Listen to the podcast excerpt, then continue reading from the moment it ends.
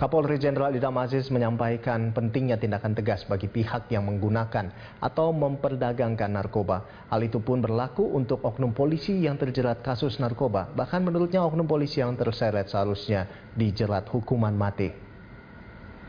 Hal itu Idam sampaikan saat melakukan pemusnahan barang bukti narkoba jaringan internasional Iran dan Timur Tengah di Polda Metro Jaya. Ida menyoroti oknum anak buahnya yang tak sedikit terperangkap dalam jerat narkoba. Ida menegaskan sebagai seorang aparat sudah seharusnya mereka mengetahui hukum dan aturan dalam penyalahgunaan barang haram tersebut. Sehingga ia tegaskan apabila terdapat oknum yang terjerat kasus narkoba, maka sudah seharusnya dihukum mati.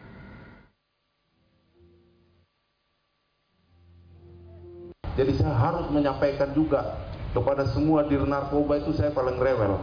Bener gak itu pengamanan barang buktinya? Iya kan? Cek itu anggota. Sekali-kali tes urin. Bener nggak? Eh, karena banyak kejadiannya begitu. Nah kalau polisinya sendiri yang kena narkoba, hukumannya harus hukuman mati sebenarnya itu.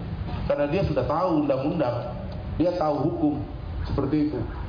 Itulah namanya kita harus bercermin pada kaca kita harus bagus. Bagaimana kita yang memberantas narkoba kalau kita sendiri bagian dari itu?